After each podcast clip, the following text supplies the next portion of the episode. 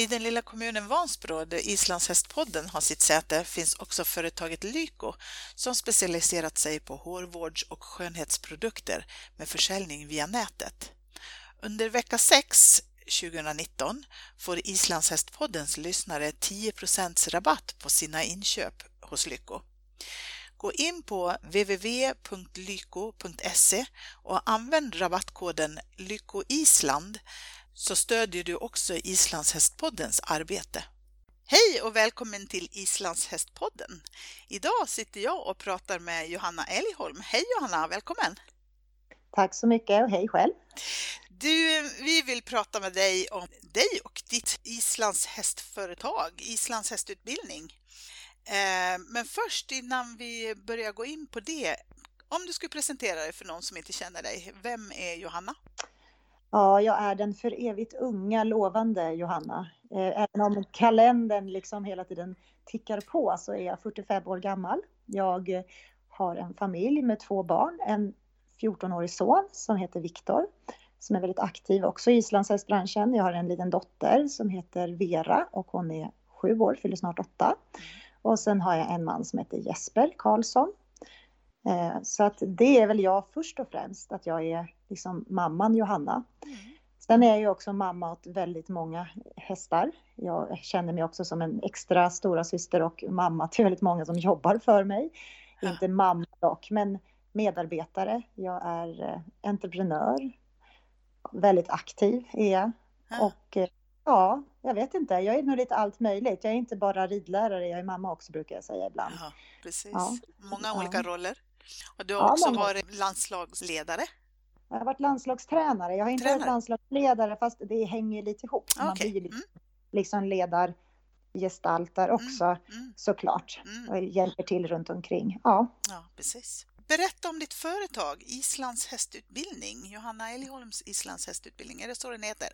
Ja, alltså egentligen så är det Edeby Gård jag driver. Mm. Eh, det hela, hela konceptet Edeby Gård har ju en utbildning för både häst och ryttare. Så att på fakturorna står det Edeby Herrgård AB, så det här är ju lite förvirrande. Men det är liksom som hela företaget heter i, i botten då. Eh, men där driver jag allt från unghästflockar till ridskola för barn, träning och utbildning av hästar och utbildning av ryttare. Eh, ja, allt du kan tänka dig. Vi har dagskonferenser, vi har turridningar, ja, det är vad vi gör och det är ju så att man måste ha många ben när man har så här stor gård och stor verksamhet. Mm. Men du, när startade företaget eller när startade du företaget? Alltså från början, jag började som väldigt ung faktiskt. Jag började på Hemfosa gård utanför Västerhaninge hos Agneta Oresved. Eh, Hemfosa gård drivs ju vidare fortfarande men ena, liksom med andra ägare. Och där började jag redan när jag var, jag har varit 19 år precis. Så det är väldigt många år sedan nu. Så där började jag jobba mig in lite grann, fick ett extra jobb efter gymnasiet som turledare. Och då hade jag ju bara ridit stora hästar och ponnys innan. Jag även hållit på lite med travhästar, så jag var ju en riktig hästtjej såklart, men halkade in där. Mm. Och sen började jag jobba tillsammans med väldigt många, fick kontakt med väldigt liksom, duktiga tränare. Erik Andersen var där, Nina Keskitalo var där en period, Johan Häggberg var där.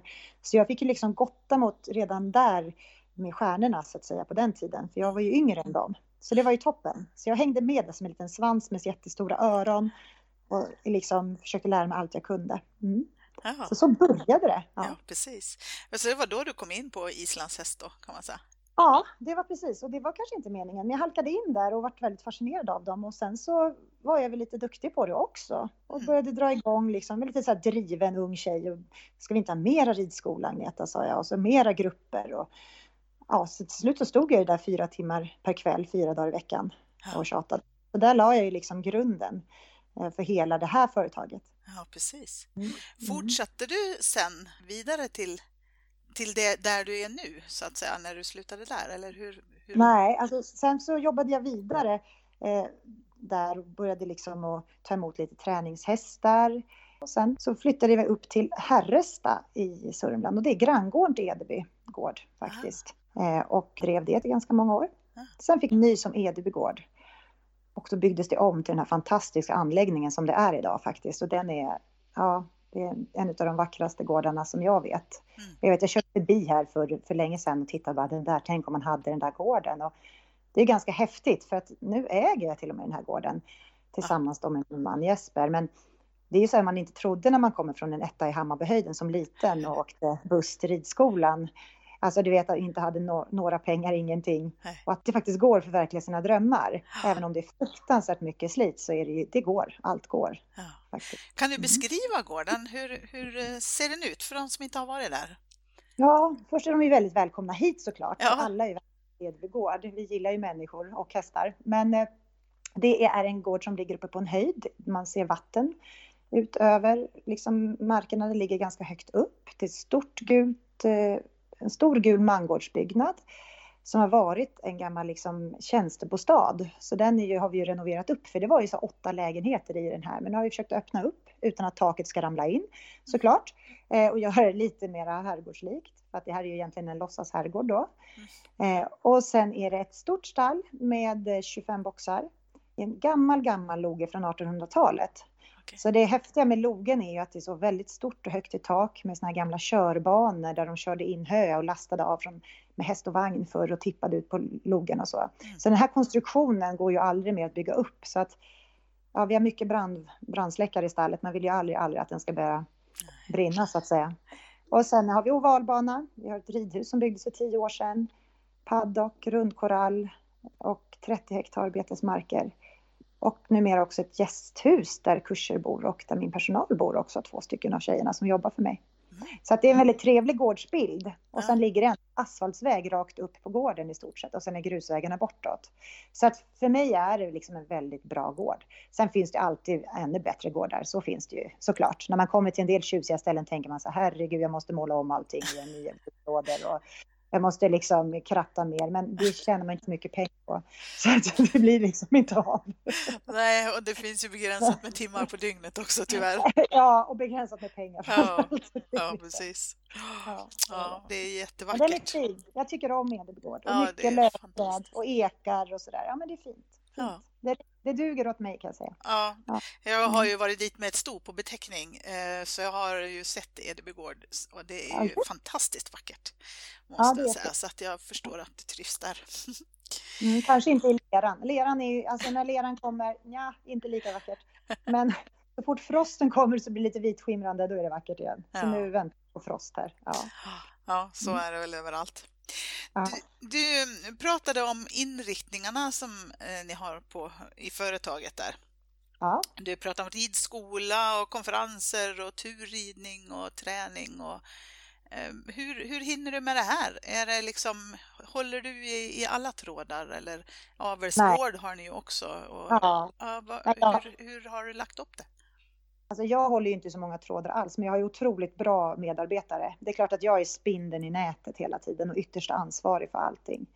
Mm. Eh, så är det. Eh, jag har ju fyra stycken anställda eh, tjejer. Vi är bara så här girl power-gäng här. Jag har även några externa som arbetar här. Så att man kan säga så här, ridskolan som ligger på vintrarna, där håller ju inte jag en enda ridskolelektion själv om det inte är så att någon är sjuk eller att jag kommer in och håller någon klinik ibland på teorikvällar och sånt. Eh, Däremot så har jag ju jätteduktiga utbildade instruktörer. Jag har ju både Emma Wahlstedt, jag har eh, Judith Karin Jakobsen som jobbar. Nu har jag också fått in väldigt duktiga Filippa Hammarström som jobbar här också. Och sen så har jag Louisa Enblom som är känd tävlingsryttare som har en kväll i veckan på ridskolan. Eh, Så att där ligger de och eh, landar där. Sen har vi också då, eftersom att eh, de är duktiga med barnen framför allt, Filippa och Judith som jobbar heltid här. Så nu har vi haft till exempel ett tre dagars barnridläger på höstlovet här. Mm. Och så då är det aktiviteter hela dagarna som ligger liksom parallellt med den biten som jag och Emma hand om. För det är bara vi som tränar hästarna här som kommer i träning. Eh, så att det blir liksom att man har olika bitar. Emma Wahlstedt som har jobbat hos mig i många år, hon har ju huvudansvaret liksom som stallchef att se till att det rullar. Sen är det ju mina riktlinjer och mina ambitioner och så vidare. Eh, sen, och sen har jag Malin Vikander som jobbar på timme hos mig också. Hon driver också sin egen verksamhet här med lite träningshästar. Hon skor och så vidare, men hon jobbar också med papper och lagar fantastisk mat på alla ridläger åt mig. Så att jag har liksom en sån här, jag har en väldigt bra roll Mm. eh, kan jag tycka. Jag är borta en del. Jag instruerar ju väldigt mycket privat istället. Så att vi har ju många, många bitar som ligger parallellt. Mm. Så, att säga. Mm. så du jobbar mycket utanför gården då? Åker omkring och är tränare eller? Inte så mycket som jag gjorde förr, men det är för att jag har valt det eh, och för att Ja, för det första har jag barn som jag tycker är det, är det viktigaste som finns i livet såklart. Mm. Eh, och eh, jag vill inte vara borta för mycket. Sen så är det ju så att jag har kommit så pass långt att det är många som kommer hit istället.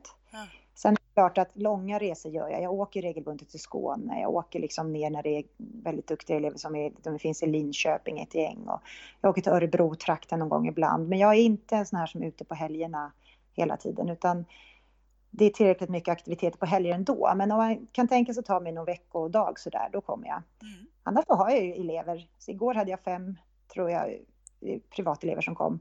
Och det liksom, så hade jag fem privatlektioner i rad. En vanlig, vad var det, tisdag igår, onsdag, jag vet knappt, onsdag. onsdag så att jag behöver ju inte, ja precis.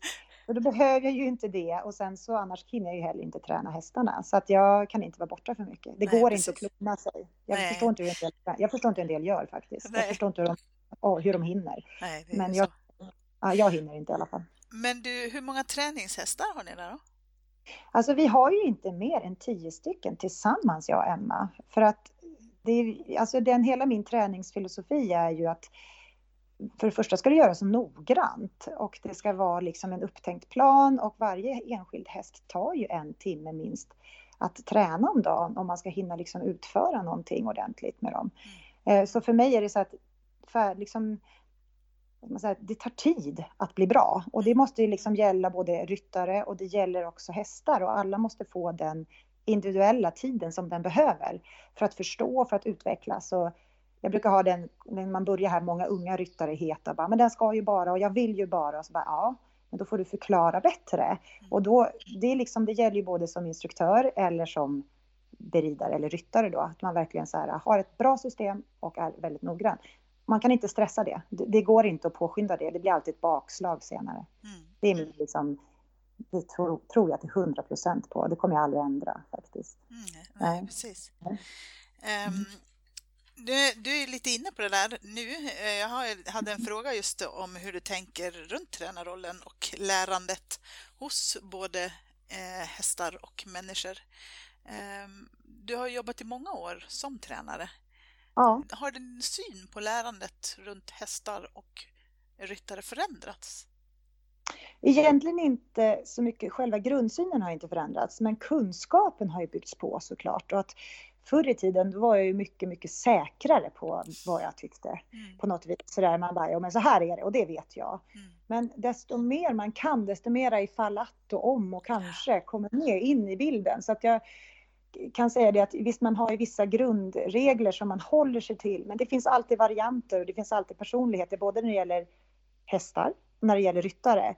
Eh, däremot så tycker jag att, att det viktigaste med det är att man får en bra grundinlärning. Att basen i allting är otroligt viktig, för det är där det skiter sig sen. Kan man inte stanna sin häst eller kan man inte liksom hitta att man vet hur en halvhalt fungerar eller om jämn kontakt på tygen vad det är, så kan du försöka rida hur mycket fina tempoväxlingar du vill, men du kommer inte att komma högre upp om du inte har grundstenarna. Och då är det ju liksom en ryttarutbildning kan jag känna saknas lite på islandshäst i Sverige. Det är väldigt mycket känsla som ska läras ut och det är väldigt mycket quick fix och det är mycket funkar bra just nu för det är tävling nästa vecka. Men den här gedigna liksom slitet och timmarna i sadeln, eh, att verkligen göra om och göra rätt och en gång till och verkligen putsa på detaljerna. Det är det som ger de riktigt bra ryttarna sen. Mm. Så unga, alltså unga ryttare och deras grundutbildning, det, det brinner jag för väldigt mycket. Mm. Och det, det är liksom, jag har följt många ekipage nu, nu när man har blivit så här lite, fortfarande inte gammal då, utan ung och lovande som jag sa i början. Men, så, så, eh, eller i alla fall, nu är jag inte så ung längre, men lovande känner jag. Så eh, får man ju liksom, det, man får liksom nöta på här och att man inte ger upp liksom. Så att det, ja. Ja. Jag har läst eh, just om lärandet för inte så länge sedan här att det krävs 10 eh, 000 timmar för att bli bra på någonting. Ja, precis. Ja. Mm. Att, Och det, det är på timmar. Ja, det är ju det. Visst. Det tar ja. lite tid.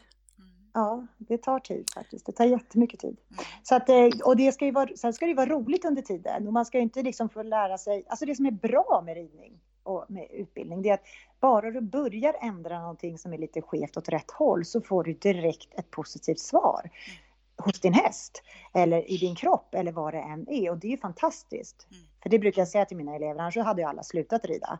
Om det var så att det tar 150 år att lära sig rida och inte först då blir det kul, ja men då hade vi ju gett upp. Ja, så det, men det är ju roligt på vägen och hästar är ju fantastiska på att försöka göra rätt.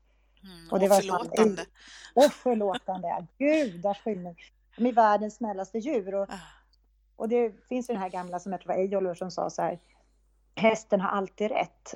Mm. Och det, det stämmer ju faktiskt i alla fall till 95 procent att hästen har alltid rätt. Sen finns det ju alltid någon häst som inte, har, inte gör rätt. Men oftast är det ju att den har ont eller är satt i fel position eller alltså att det blir att den inte förstår. Oftast är det så. Sen finns det ju alltid människor och hästar med lynnesfel. Mm. Alla blir inte massmördare bara för att de har mycket temperament och var människa till exempel. Så är det ju. Nej, det är och, det, så att, ja, och det är inte så många avbocka kungar på häst heller utan det är oftast något ja, det kan ju finnas psykiska fel, men det är inte så vanligt. Nej, precis.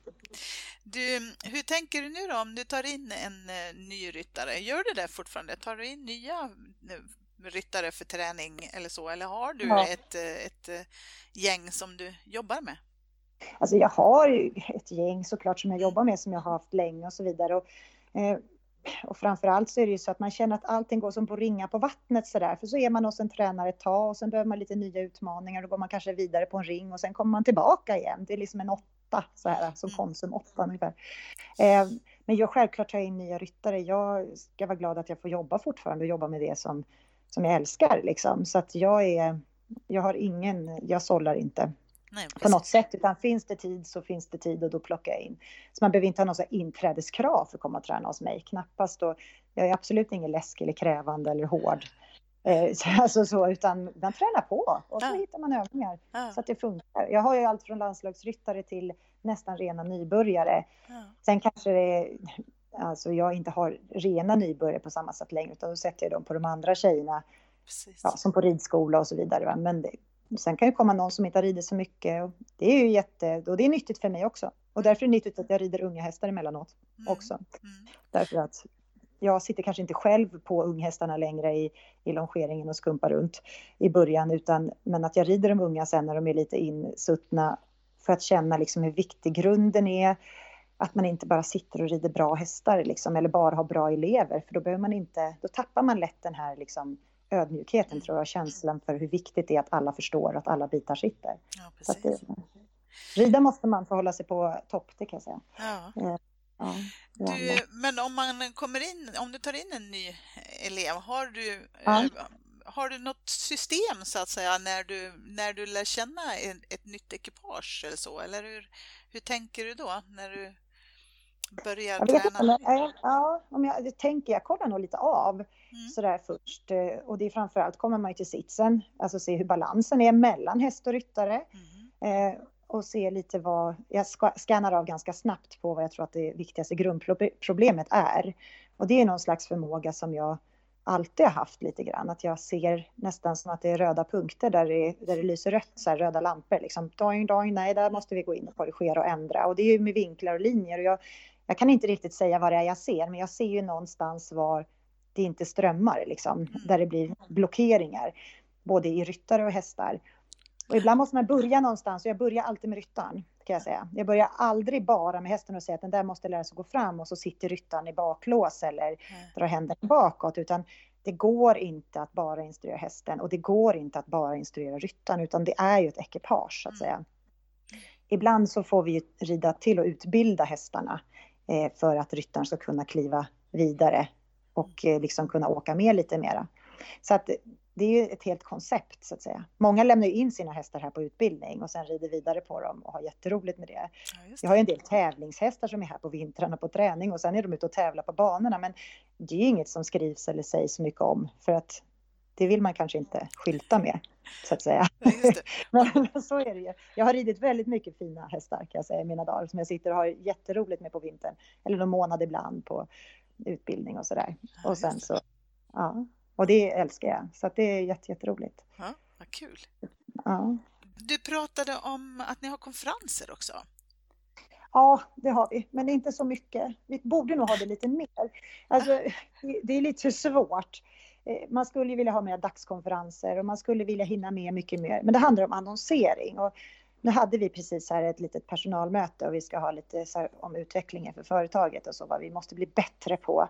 Och det är framförallt marknadsföringen och liksom nå ut mera. Mm. Men det är ju en tuff bransch för att man, alla måste jobba sina timmar. Ni vet ju hur det är med hästar. De behöver skötsel sju dagar i veckan även på julafton och nyårsafton. Och, mm.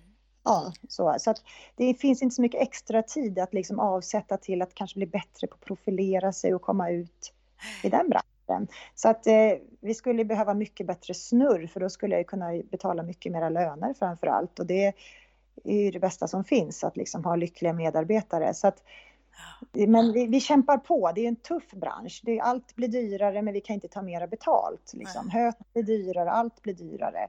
Mm. En liten grushög är dyrare. Mm. Kraftfoder kostar 10 kronor kilot istället för 4 kronor. Alltså, du vet, det, det är tufft. Ja, det snurrar på. Ja, det snurrar på och så är det så liten vinst, mm. eh, så att säga. Så att vi måste ha, konferensen måste absolut komma igång mera. Jag mm. känner det, våra nya mission. För det kan ligga på sidan parallellt och vi behöver inte jobba så mycket. Det är ändå målet. Att de ändå kan vara där och så kan de hålla på och så kan vi servera en bra lunch och så kanske rida en liten sväng och så kan vi skicka en jättestor faktura. Det är min dröm just nu. ja, men det låter men... som en bra plan. ja, visst, man måste liksom. Men vi är inte riktigt där ännu. Nej. Nej. Nej. så det är en, en uh, gren eller inriktning som går ja. att utveckla mera då helt enkelt. Ja, alltså, det, precis. För man, det, det som är svårt är som jag tror många har bitit sig i svansen på när man var yngre. Jag skulle ju aldrig ha turridning. Jag skulle aldrig ha ridskola. Jag jobbade ju då på Hemfosa och skulle aldrig ha de där tråkiga sakerna utan jag skulle ju bara rida och utveckla mig själv. Mm. Och så skulle jag ha duktiga elever. Och sen så står man där och känner så här, fast det här, då måste jag ju bo i en etta och så kanske jag kan ha en häst. Alltså det, det funkar inte och sen måste jag jobba sju dagar i veckan och har inte råd att anställa någon. Och så vill jag ändå ha den där stora gården. Och då måste man liksom öka på benen för att det går inte runt annars. Och när man är ett arbetslag som vi är, det innebär att man faktiskt kan ha semester. Och man har ett schema, att man jobbar inte mer än fem dagar i sträck. Och jobbar man helg så är man ledig i annat fall. Alltså man har, alltså det blir lite riktiga jobb och jag tror att det är inga stora löner här, men alla får ändå liksom vitt betalt. Och man har man får väldigt mycket såklart. Man måste älska hästar och man måste vilja bli mycket bättre på det här, annars så skulle man inte jobba här. Men, och sen så att man får, kan ha ett annat liv på sidan om också. Mm. Att man inte sliter ihjäl de som jobbar utan att man försöker liksom hålla det ja, alltså, så att det blir kul mm. också. Mm. För jag vill att alla ska vara glada och man får inte jobba för många dagar i rad. Alltså det går inte. Det finns till och med lagar på det. Mm. Eh, så att det, men det är en svår balans. Det är jätte, jättesvår balans. Och man är tvungen att liksom hitta på överallt. Och det är alla medvetna om här tror jag. Ibland städar vi, ibland lagar vi mat, ibland rider vi turridning, ibland, ja, förstår, alla måste vara beredda att hoppa in. Liksom. Ja, precis. Ja. Du, hur stor är ridskolan då? Hur många elever har ni där? Eh, ja, hur många elever vet jag inte riktigt nu, för nu håller grupperna faktiskt på och eh, byggs upp lite grann eh, med fler. Men vi har fyra kvällar i veckan och vi kan säga att vi har tre pass per kväll. En kväll är det fyra pass och det är mellan sex och åtta elever i varje grupp. Så då kan ju du köra en huvudräkning där om du vill, eller den som ja, kan nöta i det. Ja, precis. Men, ja, men det är inte någon jättestor stor ridskola. Men vi har ju också konkurrens av de andra stora ridskolorna här ute. Ja. Eh, och, det, och de har ju stora hästar och ponnys. Eh, men vi har ju kommit på att våra hästar är ju mycket snällare. Eh, än deras ponnysar är för många barn och så. Så jag har faktiskt mest barngrupper nu. Okay. Och, det pass, och det passar faktiskt mig utmärkt. För jag tycker att det är lite synd om våra hästar annars. Eh, de kan inte gå lika många pass och det är lätta ryttare och jag har ganska många gamla ridskolehästar som jag inte kan göra mig av med som är underbara. Mm. Och, och då tycker de ändå att det är okej. Och sen kan de gå ut på tur istället med lite vuxna människor och då får de gå mera rakt fram och så. Mm. Ja, ehm, så att jag tycker att det liksom sparar lite på hästarna och ehm, ja, för det är viktigt att de håller liksom hela vägen. Mm. Det är de viktigaste arbetarna här på gården faktiskt. Mm. Det är de duktigaste hästarna. Mm. Så det passar mig bra. Ja, härligt. Det, lå det. det låter som en bra, en bra lösning för alla ja. inblandade. Liksom. Precis. Mm. Du, framtiden för företaget då? Ni ska utveckla konferensen mer. Har du andra grejer du ska utveckla mer eller hur, hur ser det mm. ut framöver? Vad har du för drömmar eller tankar alltså det, eller planer? Ja, det, det, som har blivit lite grann faktiskt, som vi hade alltid fulla träningsstallar förut med träningshästar, eh, jag och Emma. Och eh, det, det, har faktiskt dämpats lite. Förut hade vi alltid kö på träningshästar. Mm. Men jag tror att vi får faktiskt ta och snäppa upp och visa att vi finns. För jag har blivit väldigt profilerad som instruktör, tror jag. Eh, och som tränare på liksom att träna ekipage. Eh, så att där får vi nog nischa upp oss lite grann igen. Eh, att bara säga så här, hallå, för jag är ändå en, en bet, utbildad B-tränare och Emma är en av Sveriges absolut duktigaste unghästutbildare.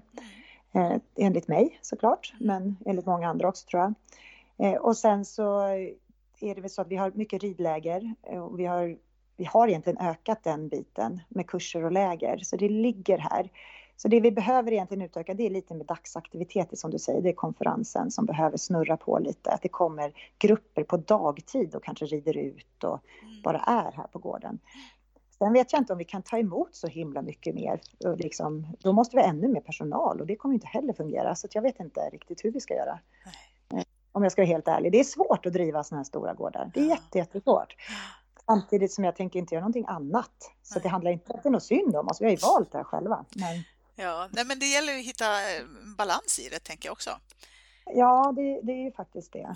Mm. Eh, alla måste ju liksom utvecklas och mm. vi måste ju hinna. Jag har ju som personalridning att de rider för mig som jobbar här regelbundet och mm. att man liksom håller personalen ajour. Jag skickade Judith Karin på den här ridledar, eller ridlärare 1-utbildningen så hon vart godkänd instruktör. Så att det gäller liksom att hålla alla igång så att säga. Mm. mm. Ja, vad spännande det låter. Det är spännande. Ja. Nästan jämt. Ja. ja. Din egen ridning och utveckling då, Johanna, hur ser den ut?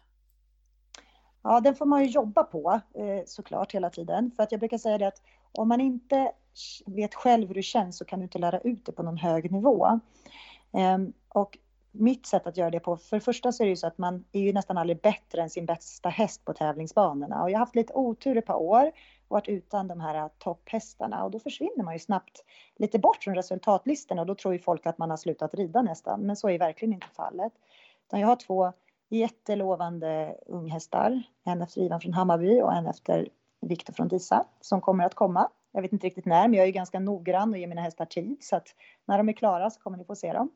Men sen har jag också en dressyrhäst som jag skaffade för två år sedan och det har varit otroligt nyttigt. Där är jag också lite nybörjare. Där börjar det bli svåra grejer när jag ska rida liksom bytesserier och sånt och jag går och räknar hur jag ska sätta benen och då får jag också uppleva och känna lite grann hur det är att vara liksom inte i skarpt, alltså jag är inte i skarpt läge utan jag känner mig lite osäker. Mm. Och där kan jag också få hjälp liksom av storhästtränare regelbundet och verkligen trimma, slipa sits, balans, timing och det är fantastiskt roligt. Mm. Så att det är liksom, och det är där den biten med dressyrridningen och hur min kropp liksom agerar på det och hur, hur, hur förfinad jag blir mina hjälper. Det kan jag ta med mig till mina islandshästelever sen och det känns, det har varit en kick för mig. Mm. Att hålla mig liksom, så skaffat en dressyrhäst som hobby men ändå kan hjälpa mig i min profession. Ja, precis. Att, ja, jag, jag känner mig så jätte på G. Och snart, nu har jag ju bara 50 år kvar att lära mig rida innan jag ska dö. Eller jag kanske har dött innan. Men, men det är liksom, så det här känns jätteroligt. Jag är faktiskt väldigt, väldigt taggad just nu på ridningen. Ja, du är lovande ja. på gång. Som du precis, ja. exakt, precis. Nu är jag medelålders lovande och det känns ju magiskt. Ja, jag tycker att det är ganska viktigt att man kan blanda och ta från olika discipliner, även om våran är väldigt... Vi är liksom lite insnöade i våran, att det ska vara som det alltid har varit. Och viktigt för sporten nu är att jag tycker ridningen går framåt i Sverige. Jag tycker att många medelryttare eh, rider otroligt mycket bättre och har mycket liksom mera förståelse för hästens balans och de rider övergångar och de sitter fint och hästarna går i ren takt och fin form och så vidare. Men det finns liksom ingen riktig stans där de får visa upp det här i tävlingsmoment utan på valbanan nu fortfarande tenderar till att vara lite avelsbedömning tycker jag. Med tanke på att, jag säger så här att jag har en väldigt bra jämförelse här. Jag har elever som kanske har en häst som kan få 5,0 för kvaliteten tölten. Och den vill inte sälja sin häst, den älskar sin häst och han vill liksom verkligen ha den här hästen. Och över och över åker kurser och vidare och rider jättefina övergångar och kan till och med liksom göra snygga galoppfattningar och sånt. Sen kommer den på en tävling och får fortfarande bara 5,0 för tölten för att kvaliteten i tölten är inte bättre. Den har ju blivit så mycket bättre på att rida. Men ingenstans ska det bedömas hur den sitter, hur övergången skedde. Så här tycker jag att vi ska ta oss en tankeställare på islandshäst. Hur vill vi, alltså det jag egentligen måste säga då om den här ryttaren vill komma upp i högre klasserna, så måste jag säga till honom att byta häst. Och det är lite emot när den precis har börjat lära sig att rida sin häst ordentligt i en bra grundbalans. Då är det ungefär som att då måste alla köpa en ny häst för att hänga med, som har mera rörelser. Mm. Så att ja, någonstans så är det så att det är såklart att vi vill ha extremt mycket rörelser och vi vill ha jättefin ridning och så vidare i toppskiktet. Men någonstans ska man också ridningen bedömas mm. mera konkret tycker jag. Och det är någonting som vi kanske ska slå våra kloka huvuden ihop och sätta oss och kanske få in en liten övergångsbedömning på valbanan och ja, lägga till lite små grejer. För det är lite konstigt att Viktor, min son, och hans pappa Vigne Jonasson rider under samma förutsättningar med samma kriterier i ridning. Han är 14 och Vigner är, inte vet jag, 45-47 år gammal. Och om de rider V1 så ska de visa exakt samma saker. Mm. Och det är liksom, det, då är det någonstans som det är ett glapp och det är inte på Viktors klass kanske det är glappet utan det är snarare uppe i eliten som det borde stramas åt mer. Ja, en tempoväxling, en övergång, och då skulle det helt plötsligt löna sig att träna sina hästar och bli ännu mjukare och mer ridbara. Det här brinner jag för. Det hör ni nu att det här ja, är någonting som jag kan att jag suttit liksom och, och klurat på. Och det behöver inte vara stora förändringar, men någonstans så ska du till exempel om du har en häst med otroligt stor skritt så vet man att den här får jag en åtta för i skritt. Jättebra, men om den skulle samla skritten en bit och fortfarande rida samma takt, samma rytm, en högre samlingsgrad och sen länga skritten igen, då kommer inte den unga hästen klara det lika bra som den äldre hästen som har blivit mer tränad, för då blir det ett ridmoment i det. Mm. Så att, alltså, det finns några små nyanser som man ska kunna göra och det här är bara, jag vet att det pratas mycket om det här ute i landet nu och det är väldigt på tapeten. Mm. Och det tror jag skulle få oss att vilja bli ännu bättre. För bra har vi blivit på islandshäst, men vi vill ju bli ännu bättre såklart. Precis. Man behöver inte flytta bort ifrån ovalbanan. Vi kan vara kvar där. Vi vill ha våra hästar som springer fort. Vi vill ha liksom kraften och energin och allting. Men vi vill ha ridningen också. Vi vill ha den vackra harmonin och precisionen. Ah. Och den fina sitsen. Och den fina kommunikationen mellan häst och ryttare. Och det här känns för mig liksom, det är det här jag brinner för. Det är det här jag undervisar i. Men det är ingenstans riktigt som folk ska få kvitto på det. Alltså de som gillar att tävla, de känner ju att det blir bättre. Mm. Men lik förbenat så blir det inte bättre när de kommer ut och tävlar. För att det bedöms inte. De kommer inte jo, över. Det kommer inte över, för hästen har ju en kapacitet som den har mm. i rörelsemekanik. Mm. Det går inte att ändra någonting åt det om man har toppat den. Men alla ska inte behöva liksom byta eller sätta hästar i för hård press för att de ska försöka få dem att gå på ett annat sätt än vad de egentligen riktigt klarar av. Så att eh, ja, det här är en liten tanke som jag gärna sänder ut till svenska folket. Ja, vad kul. Om det är någon som nappar så får vi hitta på något tillsammans. Mm. Ja, Jättespännande, vad roligt Johanna. Ja, mm. det må vi grunna på. Ja, eller hur? Lite så här, hur kan man göra tävlings... Eh, hur kan man göra det mer öppet för att förbättra ridningen ännu bättre? För det är ändå det ja. vi kommer till. Och det här med hållbarheten på hästarna, att man ger dem den tiden och den utbildningen som de ska ha. Ja. Alltså, och det är ju, man tittade på Nordiska mästerskapen i år så var det tre stycken sexåriga hästar som var i final i fyrgång. Fantastiska hästar, fantastiska ryttare och hästarna fick absolut de poängen de skulle ha. Men så var det äldre hästar där som kanske var ännu mer ridbara såg man. Som hade kunnat utfört liksom och visa att de var ännu mer elastiska än om det hade varit mer liksom skillnader i tempon, kanske i trav och galopp till exempel än den yngre hästen hade varit. Men det ska ju inte visas upp, så det är inte felbedömt. Eh, det är inte dåligt ridet. Jag menar inte att kritisera någon, alla är superduktiga och hästarna är magiska. Men det ska egentligen inte vara så många unga hästar som ska kunna ligga i toppskiktet, för då är det lite för låga krav, enligt mig. Alltså då är det för låga eh, svårighetsgrader, enligt mig. Men det är min personliga åsikt, eh, så att säga. Mm. Men eh, stort tack Johanna för att du tog dig tid. Ja, tack själv för att jag fick vara med. I den lilla kommunen Vansbro, där Islandshästpodden har sitt säte, finns också företaget Lyko som specialiserat sig på hårvårds och skönhetsprodukter med försäljning via nätet. Under vecka 6 2019 får Islandshästpoddens lyssnare 10% rabatt på sina inköp hos Lyko. Gå in på www.lyko.se och använd rabattkoden lykoisland så stödjer du också Islandshästpoddens arbete.